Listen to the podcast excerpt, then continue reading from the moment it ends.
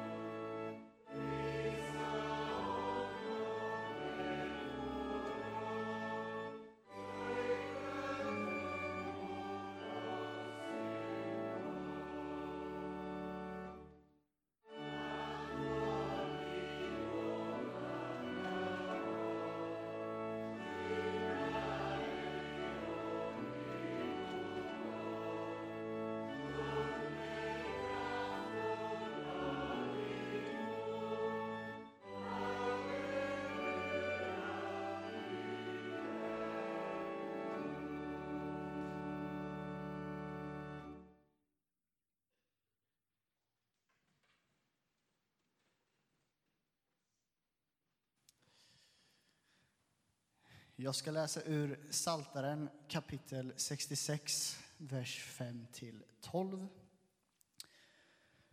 Kom och se vad Gud har gjort, förunderliga gärningar bland människors barn. Han förvandlade havet till torr mark. De gick till fots genom floden. Där gladdes vi över honom. I sin makt härskar han för evigt. Hans ögon vakar över folken. Det upproriska får inte resa sig. Sela. Prisa vår Gud, ni folk. Låt hans lov ljuda högt. För han gav liv åt vår själ och lät inte vår fot vackla. Du prövade oss, Gud. Du luttrade oss som man luttrar silver. Du lät oss fastna i nätet. Du la tunga bördor på vår rygg. Du lät människor fara fram över vårt huvud. Vi gick genom eld och vatten, men du förde oss ut till överflöd.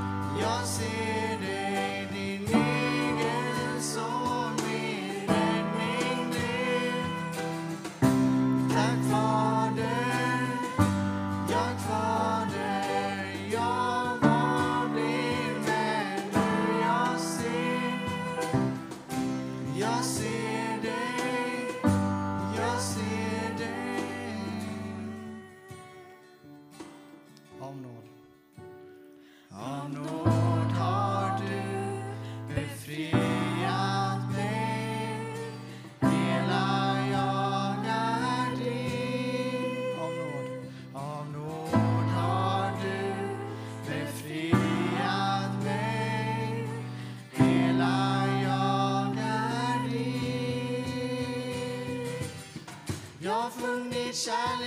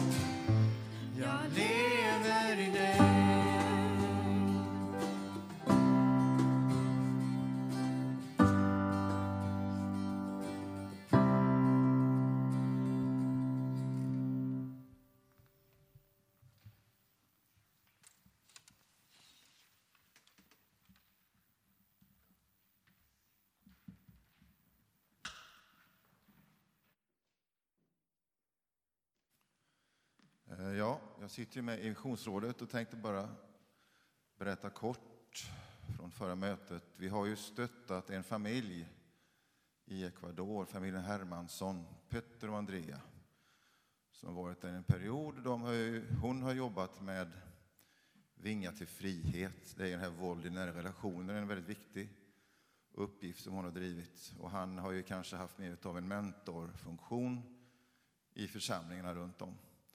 Eh, nu har de beslutat sig för att de ska flytta hem till Sverige.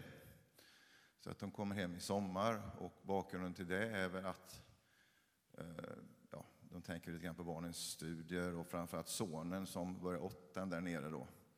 Säger de att det, det, det är ett ganska tufft klimat för en tonårspojke idag där nere. Eh, Ecuador räknas väl som Latinamerikas kanske farligaste land. Om vi tycker att vi har stora problem med gängbrott och skjutningar i Sverige så har de verkligen det. Så att eh, de känner väl att de ville väl flytta hemåt under en period här och det är gymnasiet som väntar också för, för honom här framöver. Så det var ett beslut som togs. Eh, han har fått ett jobb, Petter då, Hermansson, i Betlehemskyrkan i Örebro, så han kommer jobba där som pastor. Och hon har inte hittat någonting riktigt än. Så det var kanske den viktigaste biten som jag ville förmedla ifrån Missionsrådets möte.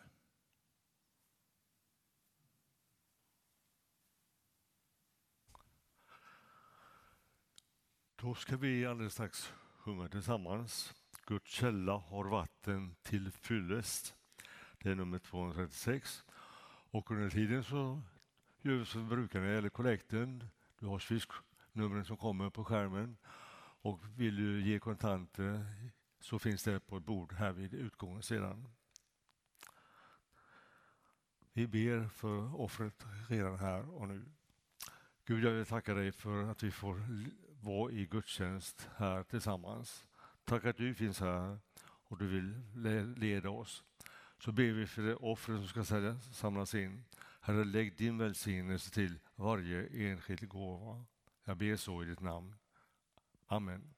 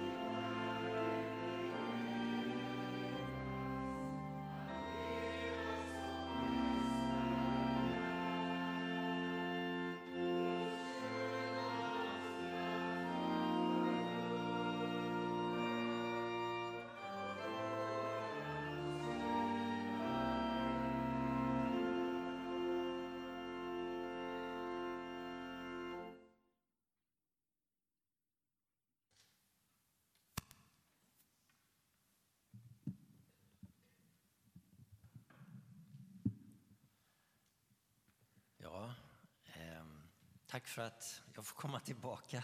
Ska säga. Det var ju på grund av ett sjukhusbesök, eller sjukbesök, eller sjukdom skulle jag säga. Jag vet inte vad han gjorde. LG Jonsson som inte var här den gången i februari då jag fick telefonsamtal. Och, och det var väldigt eh, fint att få möta er här i Taberg.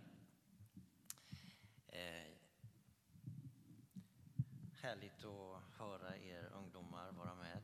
Eh, ni kanske är trötta på att höra sånt, men väldigt positivt. Jag förstår att ni har haft en tid tillsammans med andra på något sätt. Läger. Får vi till det nu? Jag tror det. Riktigt nära? Okej. Okay.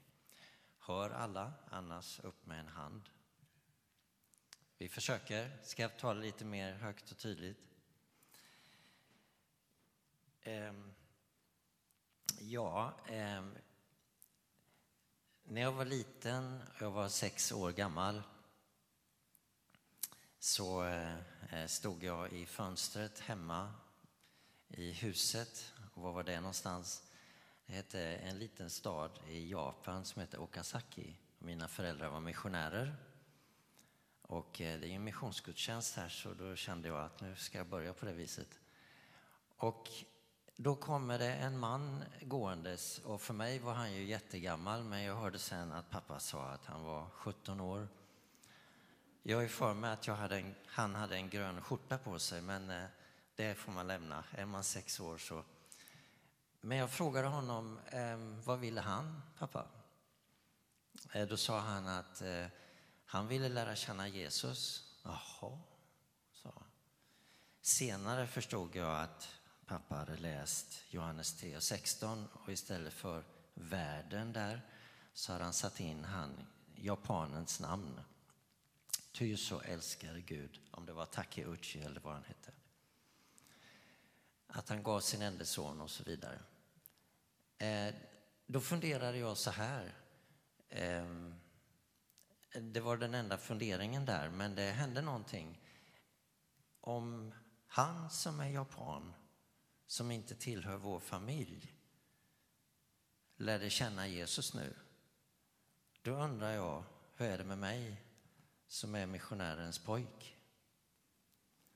Så då gick jag till pappa och sa att eh, ja, mina tankar, det var kort, men det var så. Och då sa han, vi läser Johannes 3 och 16 tillsammans. Och så bad vi. Ja, jag uppfattade det som att jag blev frälst då. Men eh, när jag tänker tillbaka så undrar jag över mina motiv. Jag kanske bara var en tävlingsmänniska och ville inte bli efter på vägen på något sätt. Eh, men eh, senare när jag var tio så frågade jag min mor hur kan man veta att man är frälst? Och då läste hon Romarbrevet 8, nej, 10, 9-10. Om du med din mun bekänner att Jesus är Herre och, och så vidare. Så eh, min syster hon har inte alls den erfarenheten. Eh, jag kan inte säga något datum, någon tid och sådär, säger hon sa hon redan tidigt. Och då eh, fick jag förstå det att det som var min mall behöver inte vara någon annans mall. Utan vikten är att man kan dela gemenskapen i Kristus och berätta för varandra. Jag har också undrat över hur grupper, församlingar kommer till och hur små cellgrupper kan starta upp och så här vidare. Om det inte är för just längtan efter att lära känna Jesus tillsammans. Och så är det ju med församlingar, varför de finns. Det finns säkert en spännande historia bakom Tabergs missionsförsamling. Paulus var på sin andra missionsresa.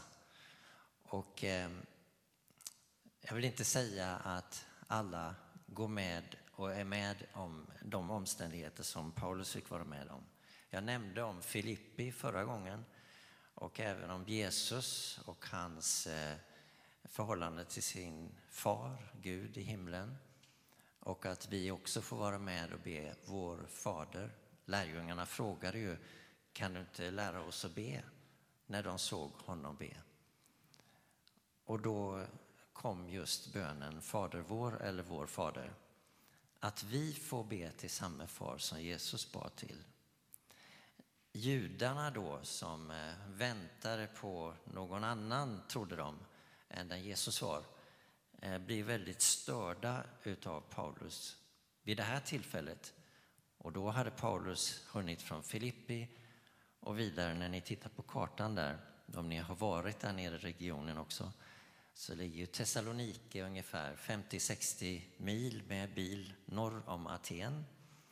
Och eh, han kommer dit då, och när vi var där, jag vet jag sa det sist, att eh, min fru sa att ah, det är helt otroligt att han reste runt här och vilken passion för eh, sin kärlek till Jesus som han hade, Paulus. Så kommer han till Thessalonike och så står det i Apostlagärningarna 17 och jag hänvisar bara till texter. Jag läser nog inte så mycket som jag hänvisar till texter. Och vill ni sätta er in i det så vet ni vad ni ska läsa mer, för det är väldigt mycket att ta på. Men jag är ändå fascinerad över det här. Det står då i Apostlagärningarna 17, vers 3 att eh, Paulus samtalade med dem utifrån skrifterna. Eh, I Filippi fanns det inte en synagoga, men det fanns det här i Thessalonike. Alltså, det är ingen skillnad på Filippi och Thessalonike vad gäller kulturell bakgrund. Det är det forna Grekland, det är det gamla Grekland. Och eh, det var, kallades för Makedonien. Och vi känner till Alexander den store från historien som spred hellenismen som har med Hellas att göra. Eh, och det var att sprida en ideologi. Och han sa till sina soldater Eh, ta er hustru i så många länder som möjligt så ni kan få barn överallt och sprida hellenismen. Och han blir ju stor, Alexander den store. Men allt det stora har ju ett slut. Så var det för honom också. Men eh, nu då när Paulus är där så berättar han i synagogan om Jesus. Och det står väldigt tydligt att han sa att Jesus var Messias. Och jag tror vi är bekanta med situationen, liksom eh, Jesus själv undvek ju att säga att han var Messias. Det var ett väldigt laddat ord. Ibland så tänker vi att det är Jesus som kallas för Messias i Bibeln och det är någon slags biblisk titel. Men själva begreppet eller titeln eller epitetet eller namnet betyder egentligen den smorde eller den utvalde. Och vi ser en kung som i Persien, Kores, han kallades också för Messias. Så den som var utvald till ett uppdrag kunde kallas för Messias. Och för judarna som längtade efter en politisk befriare så stämde inte det med Jesus. Eh, när Paulus då talar om Messias så säger han att han dog och uppstod och han led för våra synders skull och så vidare. Och det står det här i texterna. Denne Jesus som jag förkunnar för er, han är Messias. Det blir eh, explosion helt enkelt och det blir upplopp i den staden och det finns inte en annan stad där det finns så stort upplopp eh, under tiden då Paulus reser och berättar om Messias. Jesus sa gärna att han var Människosonen. Och det där har tolkats som att Jesus säger att jag är en människa, precis som ni. Men när man går tillbaks till Gamla Testamentet, Danielsboken 7, så förstår man att det är han som kommer på skyarna, Gudasonen. Det är väldigt tydligt i det avsnittet. Men vi hade ju en eh, bibelkritik för 150 år sedan som ändrade på saker och ting. Och Människosonen betyder mer än bara människa. Men i den situationen så var det ganska eh, oförargligt att säga Människosonen. Jesus sa också jag är, säger Johannes evangelium, säger han jag är. Och eh, alla, de flesta teologer idag är ense om att han syftar tillbaks till Guds uppenbarelsen i den brinnande busken då Mose kommer och ser och sen frågar ska jag rädda Israel ut ur Egypten? För det var ju det som var kallelsen. Och då så säger Gud, jag är den jag är och det är den han som kallar dig. Det är en syft, tillbakasyftning till Gamla Testamentet. Och egentligen är det svårt att förstå Nya Testamentet om man inte förstår Gamla. Så Jesus säger i Johannes 8 till judarna, förrän Abraham var är jag. Det är väldigt radikalt. Det vill säga, han är evig, han finns innan Abraham. Det ställer till det och vi vet den konflikten som uppstår, dispyten med judarna. Det är därför Paulus går först till judarna. Det är de som har fått lagen, förbunden, allting. Och Paulus, enligt Romarbrevet, sörjer över att hans eget folk, som har fått så mycket, ändå inte ser det som förbunden talar om och det som löftena syftar till, Jesus Kristus. Så, denne Jesus som jag förkunnar för er, han är Messias. Inte en politisk befriare, men Messias, frälsaren. För Messias i deras ögon var inte någon som led och dog. Men Paulus säger Messias, det är han som är segerfursten. Han som är allt det som Jesus hade sagt. Och eh, då står det ju det att några av judarna i synagogan kom till tro, men många blev upprörda och ställde till upplopp och oroligheter i staden i vers 5 i kapitel 17 av Apostlagärningarna. Och då visar det sig då att de samlar ihop en flock av folk som inte riktigt visste vad de gjorde och så drar de igång en jättedemonstration eh, eller ett upplopp och det är mer än en demonstration. Vi har sett det i vårt land lite grann de senaste åren, sådana här upplopp. Och eh, jag var i Indien också och fick uppleva en del vid ett visst tillfälle. Det är eh, lite annorlunda i Östens länder. Det finns en omedelbarhet, en spontanitet och så tror man att det är någonting så kör man. Men det fanns också många greker. Och då tänker man så här, hur klarar Paulus av en sån här situation? Det är judar som har en religiös bakgrund som säger att de är rättrogna. De tror på en Gud som är uppenbarad i Gamla testamentet. Och de tror att eh, Eh, man ska leva rent och avhålla sig från det ena för det andra för att det ska fungera väl. Och så finns det också greker där i samhället, i Thessalonike. Och de tänker lite annorlunda om moral, men de kan se upp till judarna, säger forskarna att de gjorde. De såg upp till judarnas gudstro därför att de hade en rad olika gudar. Ungefär som inom hinduismen om vi ska ta en nutida eh, jämförelse. Och, eh, välj vem du vill. En slags pluralistisk syn, inte en monoteistisk syn. Och det är den stora skillnaden. Och jag menar, de här texterna har väldigt mycket av relevans i vår tid. För pratar man med nutidssvensken så är det inte bara materialisten, ateisten som vi möter.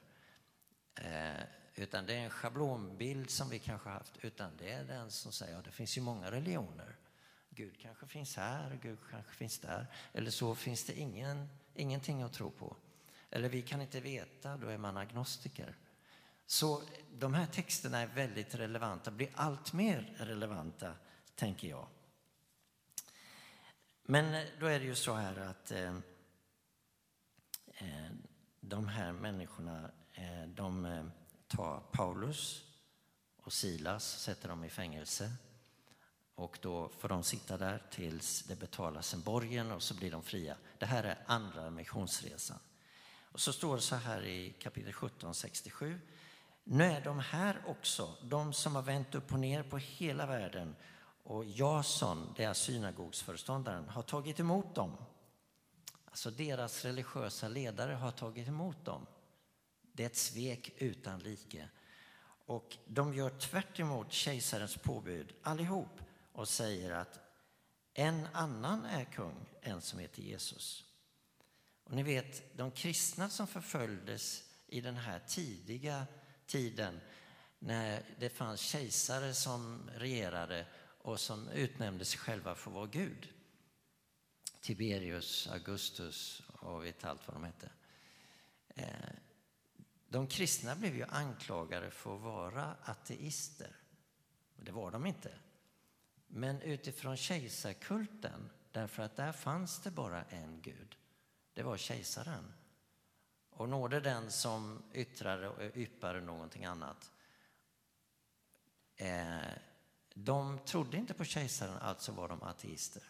Alltså det här är svårt för oss att sätta oss in i, men så var det. I Japan efter andra världskriget och då mina föräldrar började där i början på 50-talet och var missionärer. Då hade hela den här kejsarkulten rasat eh, i och med andra världskriget och det känner vi till så vi behöver inte. Men just det där att när mina föräldrar och kollegorna och de andra missionärerna kom till Japan, där det funnits missionärer tidigare, men när de kom, och flera kom från Kina, då fanns det ett vakuum också. Eh, de mötte en öppenhet utan dess like. Så de fick bara berätta. Det var inga upplopp, inga uppror. De startade bibelklasser och, och på engelska hemma i huset och, och de andra missionärernas hus och så vidare och berättade om Jesus som kom en gång och som verkligen var kung och som kan ge oss evigt liv och som led och dog i vårt ställe och så vidare. Nyckeln till evangeliet. Så det här är en ung församling. Nu kommer jag lite på andra delen. Eh, och det är varför skriver Paulus två brev till Thessalonike, till församlingen i Thessalonike? Det, alltså bakgrunden har vi i Apostlagärningarna 17 där det beskrivs som missionsresan. Men sen när vi kommer till breven, brevlitteraturen, då ser vi att det är två brev till Thessalonike. Och det finns en viss historia i det. Eh, Paulus har inte bara Silas med sig, utan har Timoteus med sig. De blir befriade eh, mot borgen, som jag sa. Och så får resa de vidare till nästa ort som heter Berea, och kan vi läsa om det. Eh, och där var människorna mera öppna och inte alls så stridslystna som i Thessalonike, fast det var inte så lång väg. Sen kommer de ner till eh, Aten och sen till Korint. Och vi vet att Paulus, alltså utifrån vissa historiska belägg i Apostlagärningarna, att Paulus stannade i Korint cirka två år. Och där skriver han flera av sina brev. Så han skriver till församlingen i Thessalonike. Ja, varför skriver han? Ja, men då är det så att Timoteus, han var en medhjälpare och han blir snabbt en trogen vän och en god medhjälpare till Paulus. Och han skriver två brev till Timoteus, första och andra Timoteusbreven. Man kan läsa mycket om Timoteus där, förutom i Apostlagärningarna. Och Paulus då, som fick ge sig av och fly för sitt liv från Thessalonike, han kunde lämna Timoteus där. För Timoteus var en annan personlighet. Och jag tycker det här är härligt. Alltså i Guds rike är vi olika. Och när jag var liten och hörde om olika missionärer eh, som man pratade om och jag förstod att de var väldigt olika. En del var lite besvärliga och andra var väldigt generösa. Och, eh, det var väldigt olika. Och det handlar en del om pengar och sådär. Jag satt vid bordet och hörde det här. Jag var sex sju år eh, och, så och vidare. Timoteus, när vi läser om honom så var han eh, försynt. Han var diplomat. Han kunde se olika sidor i en konflikt. Han kunde gå in där och skapa någon slags lugn och frid. Vi behöver sådana på arbetsplatsen, i församlingen. Vi behöver Timoteus folk. Men vi ska inte glömma att det var Paulus som banade väg för att en församling skulle bildas. Han var ju driftig och kanske vi förr i tiden skulle kalla honom för koleriker eller extrovert idag eller något annat. Entreprenör, han tog initiativ. Och var det inte för Paulus skulle det inte ha hänt något. Timoteus skickade han tillbaka, för själv var det livsfarligt att fara tillbaka. Och då hör han vad som sysselsätter Thessalonikerna. Och det här är intressant. Hur ska man nå människor utan att veta vad de tänker? Jag, jag har mest en strategi eh, när jag träffar folk på stan eller i ett eh, litet mindre jobb som jag har där det finns många från olika länder men också svenskar, det är att ställa frågor. Ställer frågor som är lite av personlig karaktär beroende på hur det är. Och är man bara två, tre personer så kan det lossna så att säga. Man kan få höra saker. Det där har ni säkert varit med om. Men Timoteus kommer in där och får reda på en kulturell sak som lyser igenom. Det här är Grekland, det här är Makedonien. Det fanns en kultur, det finns en litteratur. Vi hör om en, en litteraturkanon och så vidare på radion. Vi undrar hur det ska bli. Men var det någon kanon här som kännetecknar Grekland så var det Iliaden. Vi har läst om det i skolan för länge sedan. Vi har knappt eh, klart för oss vad det handlar om. Det är något av det äldsta av grekiska epos som finns och det var Iliaden. Den slutar uteslutande med begravningsriter. Alltså, nu är det slut. Den och den har avlidit, nu är det slut. Eh, nu slår det mig. Sista gången jag mötte min far innan vi kunde prata med varandra, eh, det är tio år sedan nu, då skulle jag, efter ett samtal, vi hade pratat lite, då skulle jag gå därifrån äldreboendet. Och jag säger, ja, är det inte välsignat att du har fått leva så länge? Han var 95. Längre än din bror, din farmor, min mor och din eh, far och så vidare. Jag visste inte vad jag skulle säga annat än att något positivt här då när jag skulle gå så säger han, det kan bli sista gången. Men så tittar han på mig, det blir inte en sista gång. Nej, det blir det inte. Eh, han hade inte pratat i de termerna, men onsdagen därpå så avled han. Och han var skarp, han var skärpt och det var tydligt.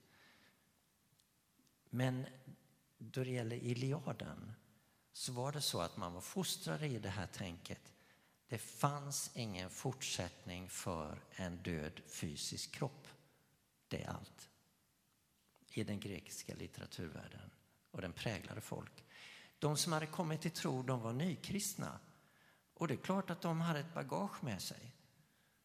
Och vi ska inte tro att när någon blir omvänd så försvinner allting på en gång utan det finns mycket bearbetning och samtal som behövs efteråt. Så när Paulus skriver här så försöker han säga ett och annat. Han säger i kapitel 4 i första Thessalonikerbrevet. Bröder, vi vill att ni ska veta hur det blir med dem som har insomnat så att ni inte sörjer som de andra de som inte har något hopp. Vi vet ju att Rolf har varit på många begravningar. Men en begravning jag var med om, det var när jag var tonåring. Och det var olika släktingar med. Då säger några där, hur kan de här tanterna, för det var min mormor som hade avlidit, hur kan de här vännerna till mormor, tanterna, farmor för dem. Hur kan de vara så glada på en begravning, var det en som sa. Det visar sig lite djupet i tron när det är fridsamt och glädje runt, så att säga, i en begravning. Så Paulus är pastoral här. Jag vill att ni ska veta hur det blir med dem som har insomnat så ni inte sörjer som de många andra, de som inte har något hopp. För i Fesebrevet 2 så säger han just så här. På den tiden var ni utan Kristus, utestängda från medborgarskapet i Israel och utan del i förbunden med deras löfte. Ni var utan hopp och utan Gud i världen. Det är så många lever. Ingen mening, inget mål. Det finns ju inget mer än detta. Jag har mitt jobb, mina relationer är trasiga. Det är där du och jag kan finnas, kan lyssna. Så eh, vi grunnar lite grann. Vet Paulus detta från Timoteus? Ja, han skriver sitt andra brev. Så ni får gärna gå hem och läsa första, andra Thessalonikerbreven och vänta inte för länge.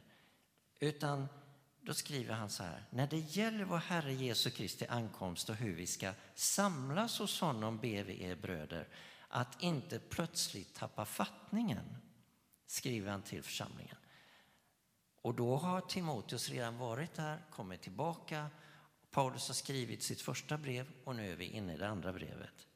Låt er inte skrämmas av någon ande eller något ord, och det har forskarna undrat över vad det betyder, eller brev som påstås komma från oss som säger att Herrens dag redan är här.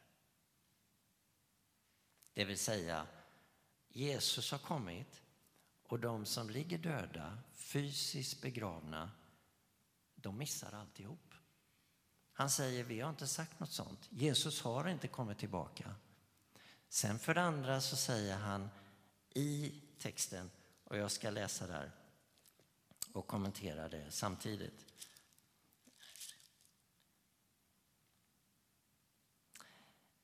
Eh, I första Thessalonikerbrevet. Vi säger detta enligt ett ord från Herren. Vi som lever, han och de övriga apostlarna, är kvar till Herrens ankomst ska alls inte komma före de insomnade.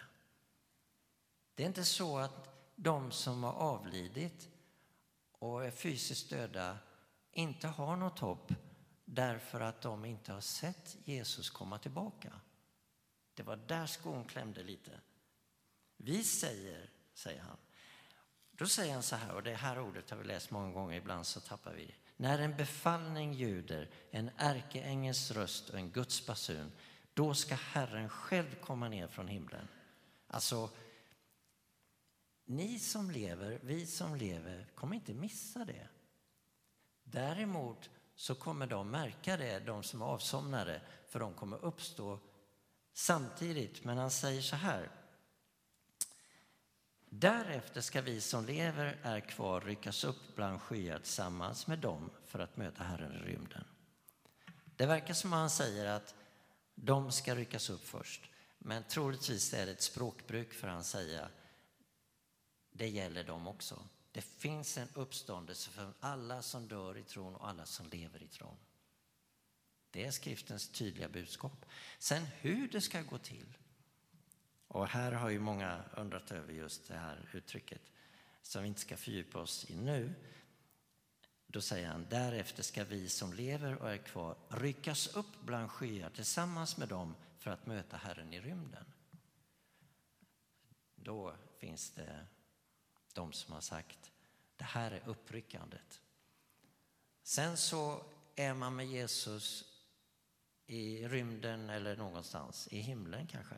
Och sen kommer man tillbaks med honom för att regera i tusen år. Men det står inte om två återkomster i min uppfattning. Det gör inte det i Nya Testamentet. Det står om en återkomst och dessutom så finns det musikinstrument som är inblandade här, en ärkeängels röst. Det är liksom en riktigt stor händelse som ingen kan missa när Jesus kommer tillbaka. Och då tänker jag på en gång när jag satt med en syssling. Du har säkert också släktingar i Kalifornien eller någon annanstans i USA utifrån emigrationen från Sverige. Då sitter jag med en syssling och vi lyssnar på Tchaikovskis Nötknäpparsvit i en jättestor konserthall uppe i San Francisco. Jag har aldrig varit på någon sån stor tillställning. Vi satt långt upp på läktaren och jag undrar varför sitter vi här uppe? Det är ju jättemånga platser neråt där, men jag vågade inte säga någonting. Jag var ju bjuden. Så då sitter vi där och när hela konserten är slut, och den var ju majestätisk, då så applåderades det. Och så är det ju världsvitt. Man applåderar i omgångar. Så går alla ut på estraden, applåderar igen och så in och så ut och så in. Ni vet, ett sista nummer vill vi ha. Och då tänkte jag, Jag kommer ihåg det slog mig. Ja, men tänk vad vi applåderar varandra i olika sammanhang. Sportsliga sammanhang, musiksammanhang, i olika sammanhang. Och det är bra. Men hur ska det bli när Jesus kommer?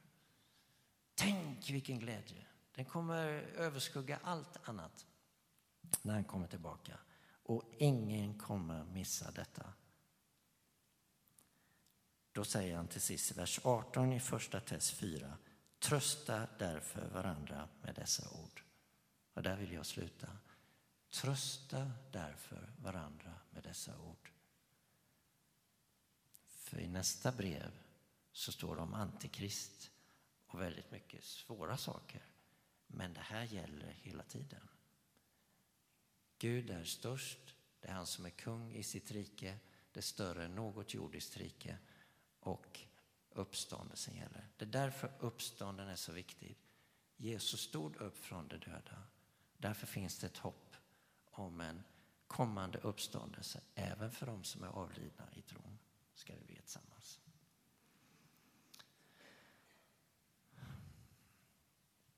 Vi vill tacka dig, du vår himmelske far,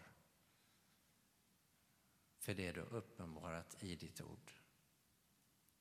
Vi kan egentligen inte veta någonting om inte vi går till ditt ord. Vi ber att vi ska bara glädjas och böja oss inför dig, du levande Gud. Här i gudstjänsten, i vardagen, i de tuffa situationerna, var vi än befinner oss. Att vi böjer oss inför dig och säger tack Jesus. Tack gode Gud, Fader, Son och Heligande för att du är närvarande här och att vi får bli uppbyggda i vår tro. Amen.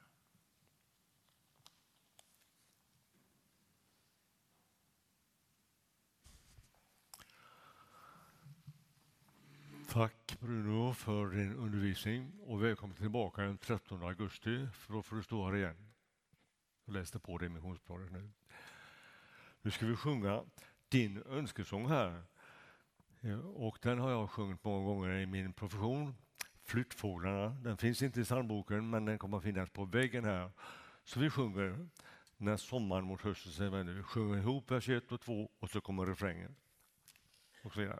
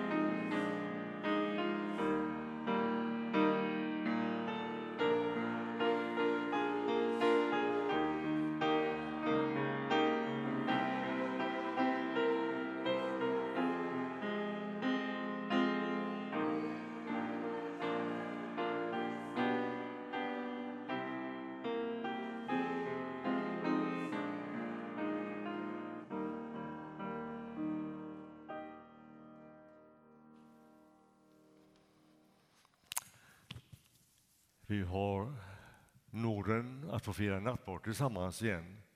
Alltid lika fint att få göra det.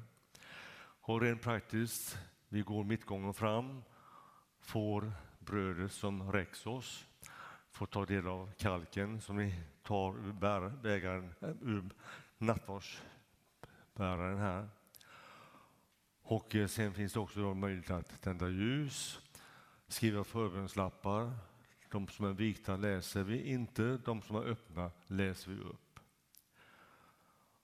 Och eh, så här börjar vi. Nattvardsbordet är dukat. Jesus Kristus är mitt ibland oss. Han inbjuder oss på nytt till den heliga nattvarden. I denna måltid ger han sig själv till oss. Han leder oss in i djupare gemenskap med varandra och utrustar oss för vittnesbörd och tjänst.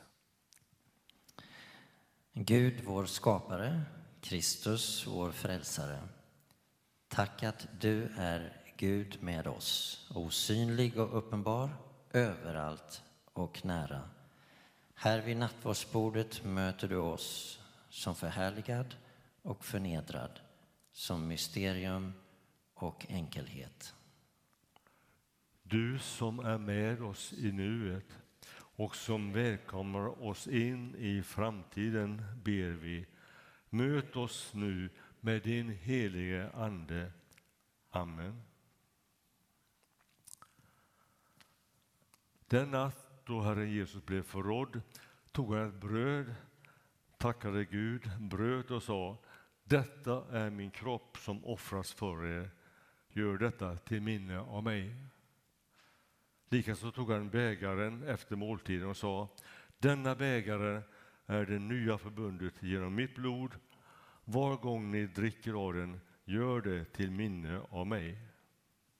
Stort är trons mysterium. Kristus, din död förkunnar vi, din uppståndelse bekänner vi till dess du kommer åter i härlighet.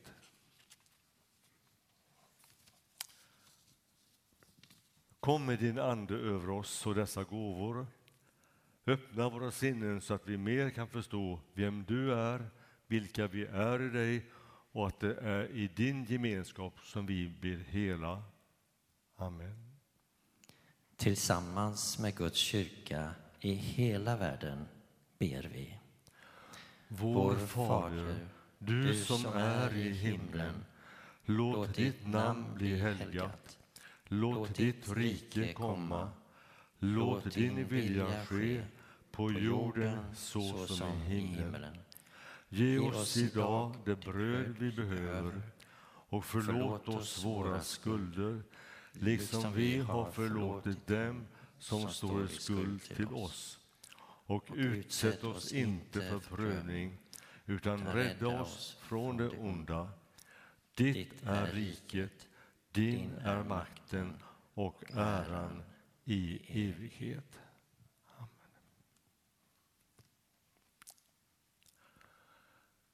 Bägaren som vi välsignar ger oss gemenskap med Kristi blod.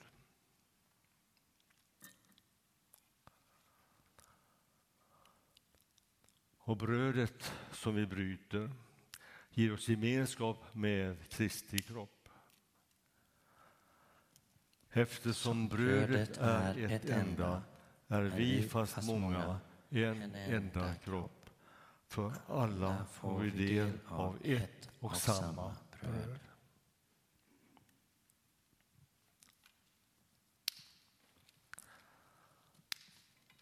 Då står det fridshälsning.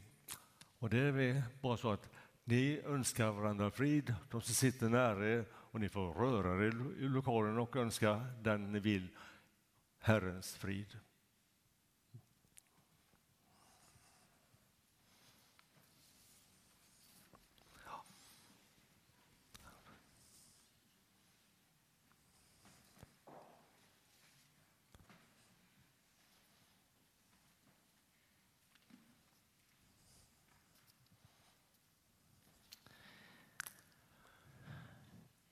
Jesus sa, Min frid ger jag er. Känn ingen oro och tappa inte modet. Så ska vi be att nattvardskännaren kommer fram. Varsågoda.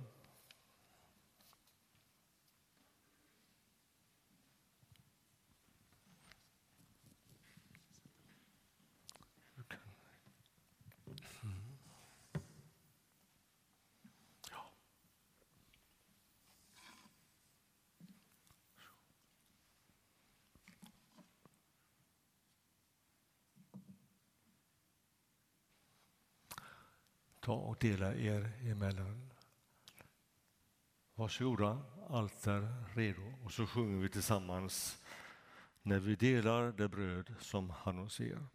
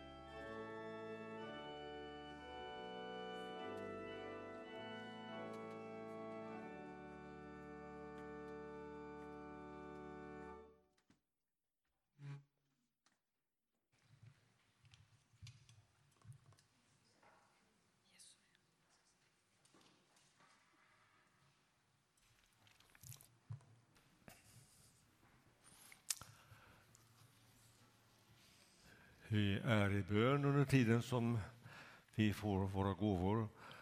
Och eh, den här veckan så ber vi för Barsgrupp 10. Vi ber för andakten på boenden, för skolavslutning och studenten. Och eh, det finns möjlighet att tända ljus här. Ni har bordet med lappar ni kan skriva era böner, tackböner, förböner. Vikta läser vi inte upp, men de öppna läser vi.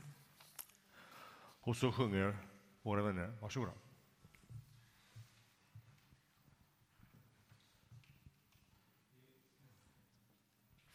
För personlig förbön så finns Eva på första bänken här.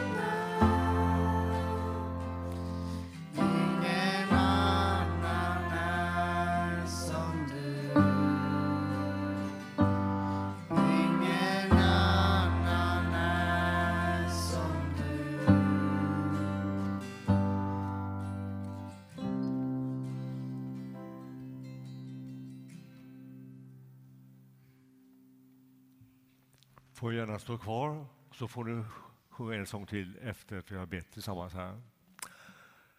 Eh, jag har en lapp här i böneskåren, den är vikt.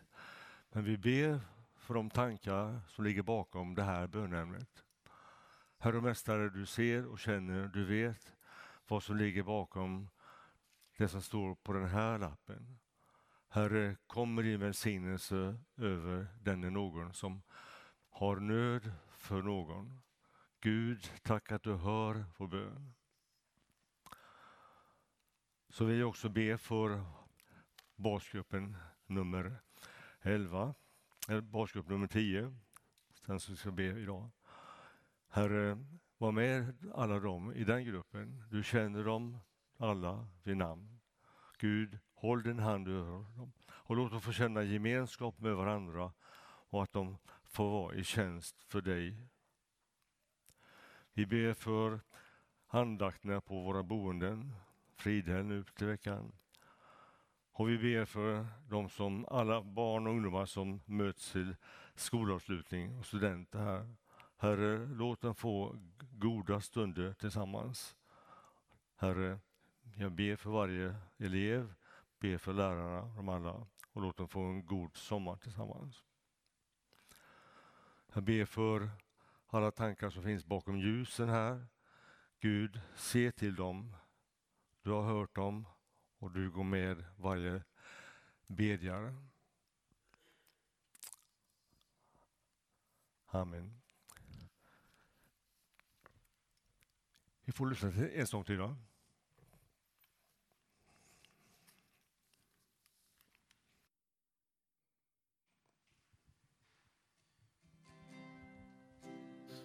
Música